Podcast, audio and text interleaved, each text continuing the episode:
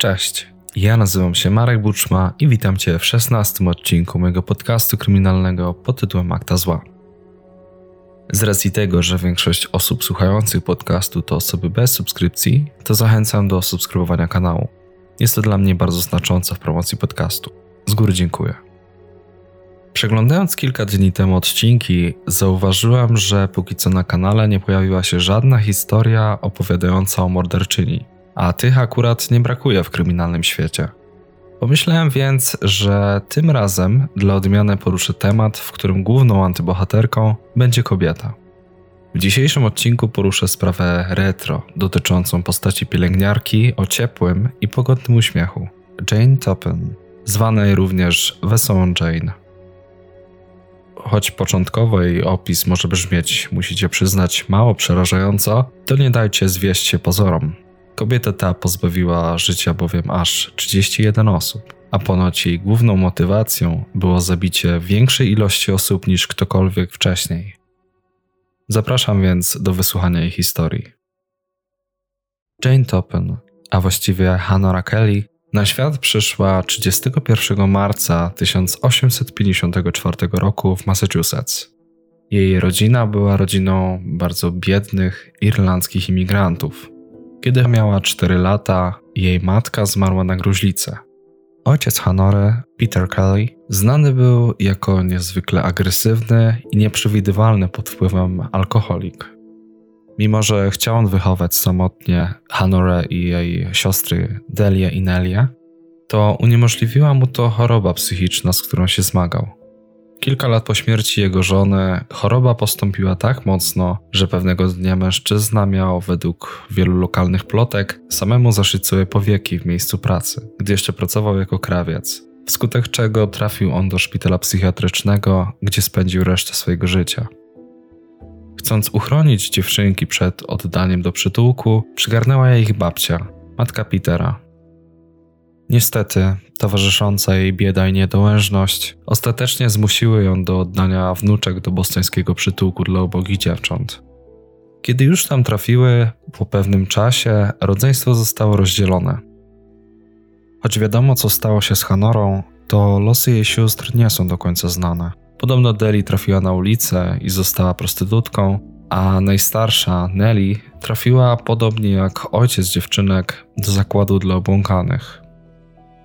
Jeśli zaś chodzi o Hanorę, to trafiła ona do angielskiego protestanckiego małżeństwa, które miało już dwie córki. Postanowili oni zmienić jej imię i nazwisko na Jane Toppen, a jako że w tamtych czasach irlandzkie pochodzenie było źle postrzegane przez społeczeństwo, to nakazali oni Jane, aby udawała, że jest Włoszką, dzięki czemu mogła uniknąć wielu nieprzyjemności. Co do charakteru, Jane była opisywana przez rówieśników, z którymi chodziła do szkoły, jako niezwykle otwarta i towarzyska dziewczyna. Cieszyła się przy tym sporą popularnością, jednak jej charakter miał pewien spory minus. Niejednokrotnie kłamała ona na swój temat. W domu Jane nie miała lekko. Choć będąc adoptowaną, stała się co prawda córką angielskiego protestanckiego małżeństwa, to ci mieli cały czas na uwadze, że nie jest ona ich biologiczną córką i dawali jej to odczuć niemal na każdym kroku. W szczególności lubowała się w karaniu i złym traktowaniu dziewczyny jej przybrana matka, Ann Toppen, którą to Jane nazywała ciocią. Kobieta była bowiem zwolenniczką surowego i rygorystycznego wychowania. Nie tolerowała też braku posłuszeństwa, stawiając przy tym wygórowane oczekiwania i wymagając, aby dziewczyna im sprostała. Lata mijały, a Jane cierpliwie znosiła trudy życia, aż w końcu skończyła 18 lat i osiągnęła dojrzałość. Od tej pory mogła wyprowadzić się z domu państwa Topen i zacząć własne życie. O dziwo jednak, mimo wielu przykrości, jakie spotkały ją ze strony rodziny adopcyjnej, postanowiła zrezygnować z wyprowadzki. Być może uznała, że bezpieczniej i wygodniej byłoby zostać w sprawdzonym już domu. Biorąc pod uwagę ciężkie czasy i ewentualne problemy związane z poszukiwaniem pracy, a także zakwaterowaniem, Jane postanowiła więc zaoferować się rodzinie jako służąca w zamian za zakwaterowanie, a także wyżywienie. Ci ochoczo przystali na jej propozycję. Gdy po pewnym czasie Ann Toppen zmarła, Okazało się, że w testamencie uwzględniła jedynie swoje biologiczne córki, a o Jane nawet nie wspomniała. Po ukończeniu szkoły w 1885 roku Jane podjęła decyzję, aby rozpocząć szkolenie na pielęgniarkę w szpitalu w Cambridge. I choć mogłoby się wydawać, że kieruje nią chęć pomocy i opieki nad potrzebującymi ludźmi, to w rzeczywistości to nie było jej głównym motywem, dla którego zdecydowała się właśnie na ten zawód. Uwielbiała eksperymentować na swoich pacjentach, zmieniając dawki leków, stosując przy tym na nich takie środki jak morfina czy atropina, a także niejednokrotnie sprawdzając wytrzymałość swoich pacjentów, doprowadzając ich organizmy do skrajności. Kiedy jednak byli oni zbyt blisko śmierci, Jane ich odratowywała. Czerpała niesamowitą, zbliżoną do uniesienia seksualnego przyjemność z obserwowania cierpień swoich pacjentów. Często towarzysząc im przy tym i kładąc się obok nich na szpitalnym łóżku. Była to dla niej zabawa, która w momencie, kiedy zaczynała nudzić Jane, kończyła się potajemnym uśmierceniem pacjenta. Choć przypadków, w których pacjenci wydawali się rokować dobrze, a ostatecznie umierali było wiele, gdzie większość z nich była pod opieką Jane, to jednak o dziwo lekarze koordynujący nie połączyli tego z jej osobą. Możliwe, że uniknęła podejrzeń ze strony osób postronnych dzięki swojemu charakterowi. Zawsze miła i pogodna, choć nieco kłamliwa, ale też z oddaniem wykonująca swoje obowiązki Jane, z całą pewnością nie wyglądała na kogoś, kto mógłby świadomie pozbawić innego człowieka życia. Jedyne o co z czasem zaczęto podejrzewać Jane, to serię drobnych kradzieży, przez co w 1888 roku przyniosła się do innego szpitala, szpitala w Massachusetts, w którym także nie zrezygnowała ze swojego chorego hobby, odbierając przy tym życie kilku pacjentom. Nie zabawiła tam jednak długo i jakiś czas później przyniosła się na powrót do Cambridge. Lecz kiedy okazało się, że jej dyplom jest podrobiony, została ona natychmiastowo zwolniona. A skoro więc nie mogła działać w szpitalach, to zdecydowała się na kontynuowanie kariery jako prywatna pielęgniarka. Dzięki temu była też w stanie uzyskać znacznie wyższe zarobki, opiekując się nierzadko bardzo zamożnymi pacjentami. Wydawałoby się, że taka zmiana, przynosząca jeszcze więcej niż wcześniej pieniędzy, będzie kluczem dla wyższego standardu życia Jane. W rzeczywistości jednak tak nie było. Jane stale się zadłużała, przez co niejednokrotnie okradała swoich pacjentów w celu zdobycia dodatkowych środków przeznaczonych m.in. na spłatę długów. Z czasem postanowiła przestać ograniczać się do zabijania jedynie pacjentów. W 1895 roku zamordowała 77-letniego właściciela domu, w którym mieszkała, a dwa lata później jego żonę, Następną ofiarą była starsza kobieta, którą Jane się opiekowała. Zmarła już po czterech dniach spędzonych pod opieką pielęgniarki. Rodzina zmarłej po pogrzebie dostrzegła też, że kilka cennych rzeczy niespodziewanie zniknęło. Kiedy w późniejszym okresie zapytano ją o to, dlaczego zabijała głównie starsze osoby, to ta zeznała, że według niej po prostu nie było sensu zostawiać takich ludzi przy życiu. Człowiek na starość robi się stary, a przy tym często grymaśny i chorowity. Po jakimś czasie uznała, że skoro i tak ma na koncie wiele ofiar, to nie warto ograniczać się jedynie do starszych osób. Dlaczego miałaby bowiem nie pozbawić życia kogoś młodszego, kogoś, kogo po prostu nie lubiła, a wręcz i nienawidziła?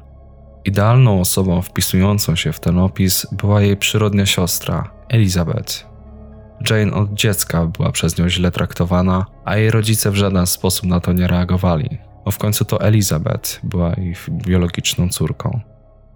Przez lata więc Jane pielęgnowała w sobie nienawiść, aż w końcu postanowiła dać jej upust. W 1899 roku postanowiła więc wprowadzić swoje plany w życie i otruć siostrę przy pomocy strychniny. Trzymając siostrę w ramionach, rozkoszowała się widokiem, jak uchodzi z niej życie. Po późniejszym przebadaniu zwłok lekarze stwierdzili, że najpewniej przyczyną śmierci był wylew. Kolejny więc raz Jane uszło wszystko na sucho. Dodatkowo przywłaszczyła sobie zegarek i łańcuszek siostry, a także 45 dolarów z jej portfela, mówiąc jej mężowi, iż to było ostatnim życzeniem jego żony. Kolejnego morderstwa Jane dopuściła się w 1901 roku. Tym razem jej celem stała się cała czteroosobowa rodzina państwa Davis. Kiedy zdała sobie sprawę, że nie będzie w stanie spłacić ogromnego zadłużenia u właścicielki chaty, w której spędziła kilka ostatnich lat, uznała, że właśnie usunięcie jej, a także jej rodziny będzie idealnym rozwiązaniem. Tuż po morderstwie w pośpiechu spakowała się i wyjechała do rodzinnego domu. Tego samego, w którym mieszkał wdowiec po siostrze Jane, którą pozbawiła życia w 1899 roku, Oramel Birkham. Wraz z zamieszkaniem w jego domu obrała sobie mężczyznę na swój cel. Według Jane był on bowiem idealnym kandydatem na jej męża. Zanim jednak miało dojść do ich ślubu, to w pierwszej kolejności uznała, że warto będzie wyeliminować potencjalne kandydatki i wszelkie osoby mogące stać się przeszkodą dla jej nowego małżeństwa. Oczach Jane takimi osobami była pracująca od lat gosposia, o którą Jane niejednokrotnie była zazdrosna, a także jego 77-letnia siostra, która mogła się sprzeciwić ich planom. Mimo usunięcia kobiet z tego świata, nie przewidziała jednej dość istotnej rzeczy – mianowicie decyzji samego Oramela i jego uczuć. Jak się okazało, mężczyzna od samego początku nie był nią zainteresowany, jednak jego odmowa nie była w stanie przerwać planu Jane. Nie mogąc pogodzić się z porażką, wpadła na kolejny iście diabelski plan, zakładający potajemne podtruwanie mężczyzny, a następnie jego wyleczenie, obdarzając go przy tym opieką i troską, dzięki którym mogłaby wzbudzić jego zainteresowanie jej osobą i rozkochać w sobie. Jak sobie postanowiła, tak też zrobiła. Wprowadziła więc plan w życie. Lecz i on nie wypalił, a wręcz jeszcze bardziej zaszkodził. Mężczyzna, łącząc wątki śmierci żony w jej obecności, a także nagłe pogorszenie się jego zdrowia od momentu jej wprowadzenia i niespotykaną, wręcz podejrzaną troskę z jej strony, nabrał pewnych podejrzeń. Uznał więc, że musi się jej pozbyć i tym samym wyrzucił ją z domu. Jak się okazało, poza samą utratą dachu nad głową, była też poszukiwana przez policję. Po autopsji członków zamordowanej rodziny wykazano, że zostali oni otruci, a w ich ciałach znajdowały się spore dawki arszeniku. Podejrzaną przez nich osobą o dokonanie tego morderstwa była właśnie Jane. Miała ona dostęp do tego typu medykamentów, a przy tym była też bardzo zadłużona u właścicielki. Miała więc motyw.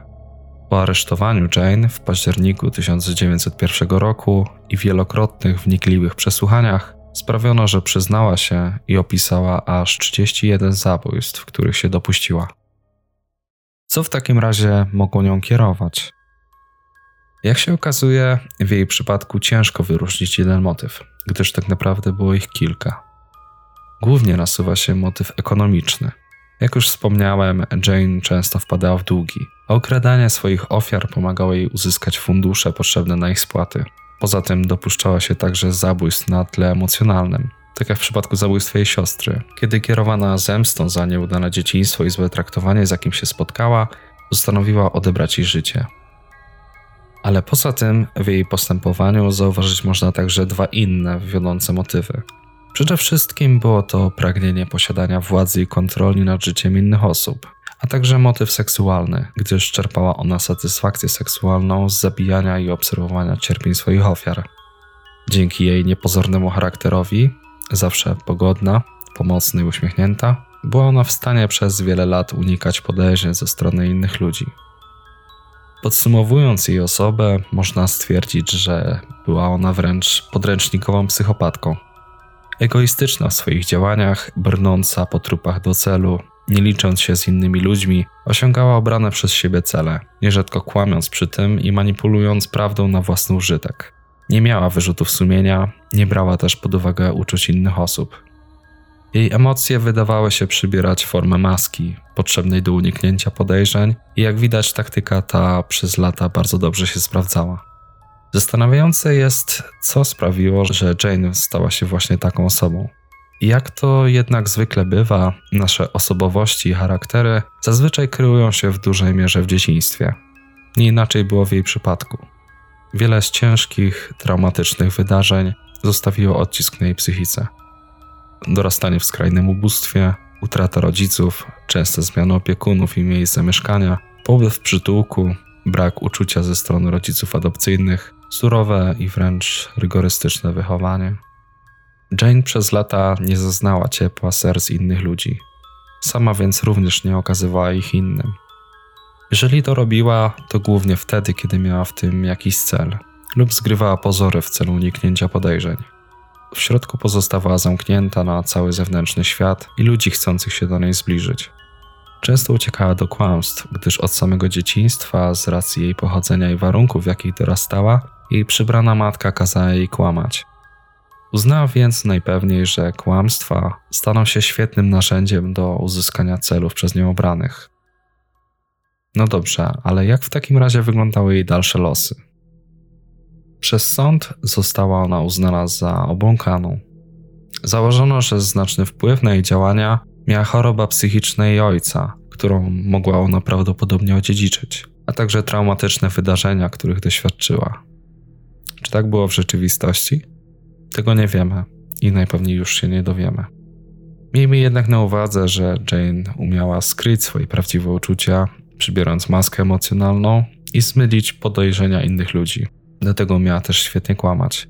Możliwe więc, że wykorzystała te umiejętności do uniknięcia więzienia, uznając, że lepiej będzie spędzić resztę życia w szpitalu psychiatrycznym niż w więzieniu. Teorii tej przeczą jednak niektóre późniejsze wydarzenia ze szpitala psychiatrycznego, do którego Jane trafiła. Między innymi, kiedy wpadła w poważną paranoję, odmawiając jedzenia i twierdząc, że jest ono zatrute, wskutek czego prawie zagłodziła się na śmierć. Poza tym w jej zachowaniu dostrzec można też tak zwany obłęd moralny. Podsumowując, w szpitalu psychiatrycznym spędziła ona resztę swojego życia i nigdy go nie opuściła. Zmarła 29 października 1938 roku, dożywając tym samym 84 lat. Dajcie mi znać w komentarzach, co sądzicie o jej sprawie i o czym chcielibyście usłyszeć w kolejnym odcinku. Bardzo dziękuję również za Wasz poświęcony czas. Mam nadzieję, że odcinek się podobał, a czas jemu poświęcony nie był czasem straconym. Przypominam jak zwykle, że wszelkie źródła, z których korzystam przy przygotowywaniu danych odcinków, zawsze podaję w opisach. Poza subskrypcją kanału na YouTube, zapraszam również do obserwowania podcastu na Spotify, a także do dołączenia do grupy i polubienia strony podcastu na Facebooku. Założyłem również profil na Patronite dla osób zainteresowanych udzieleniem wsparcia. Link w opisie odcinków. Do usłyszenia w kolejnym odcinku. Cześć.